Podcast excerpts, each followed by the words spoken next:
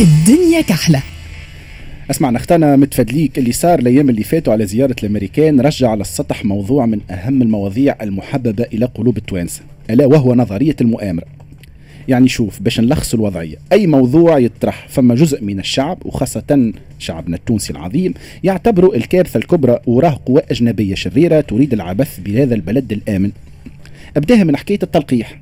هاو 5 جي هاو بوس هاو باش يعسوا علينا.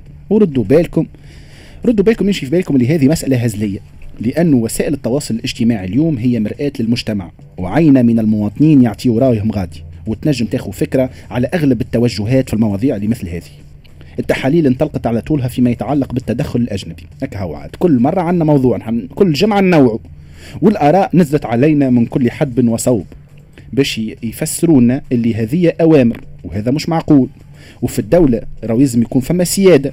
والرئيس يلزم يمثل وجهة نظر أغلبية. فقط لعلم جماهير المؤامرة أنه في النظام العالمي الموجود حاليا الدول اللي كيما تونس هي دول تبعية. أي نعم دول تابعة. تابعة من الناحية الاقتصادية للجهات المانحة. ولا حتى لدول تكون ضامنة فيها دول أخرى باش تاخذ قروض. معناها كله تابع كله. ورو فما حتى ما فما حتى حد ينجم يرفض التدخل الأجنبي حاليا إذا كانوا بالصيغة اللي تجي منها القروض وإلا الضمانات.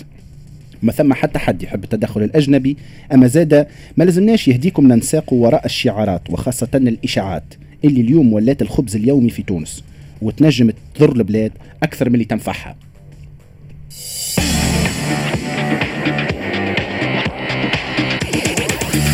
الدنيا كحلة.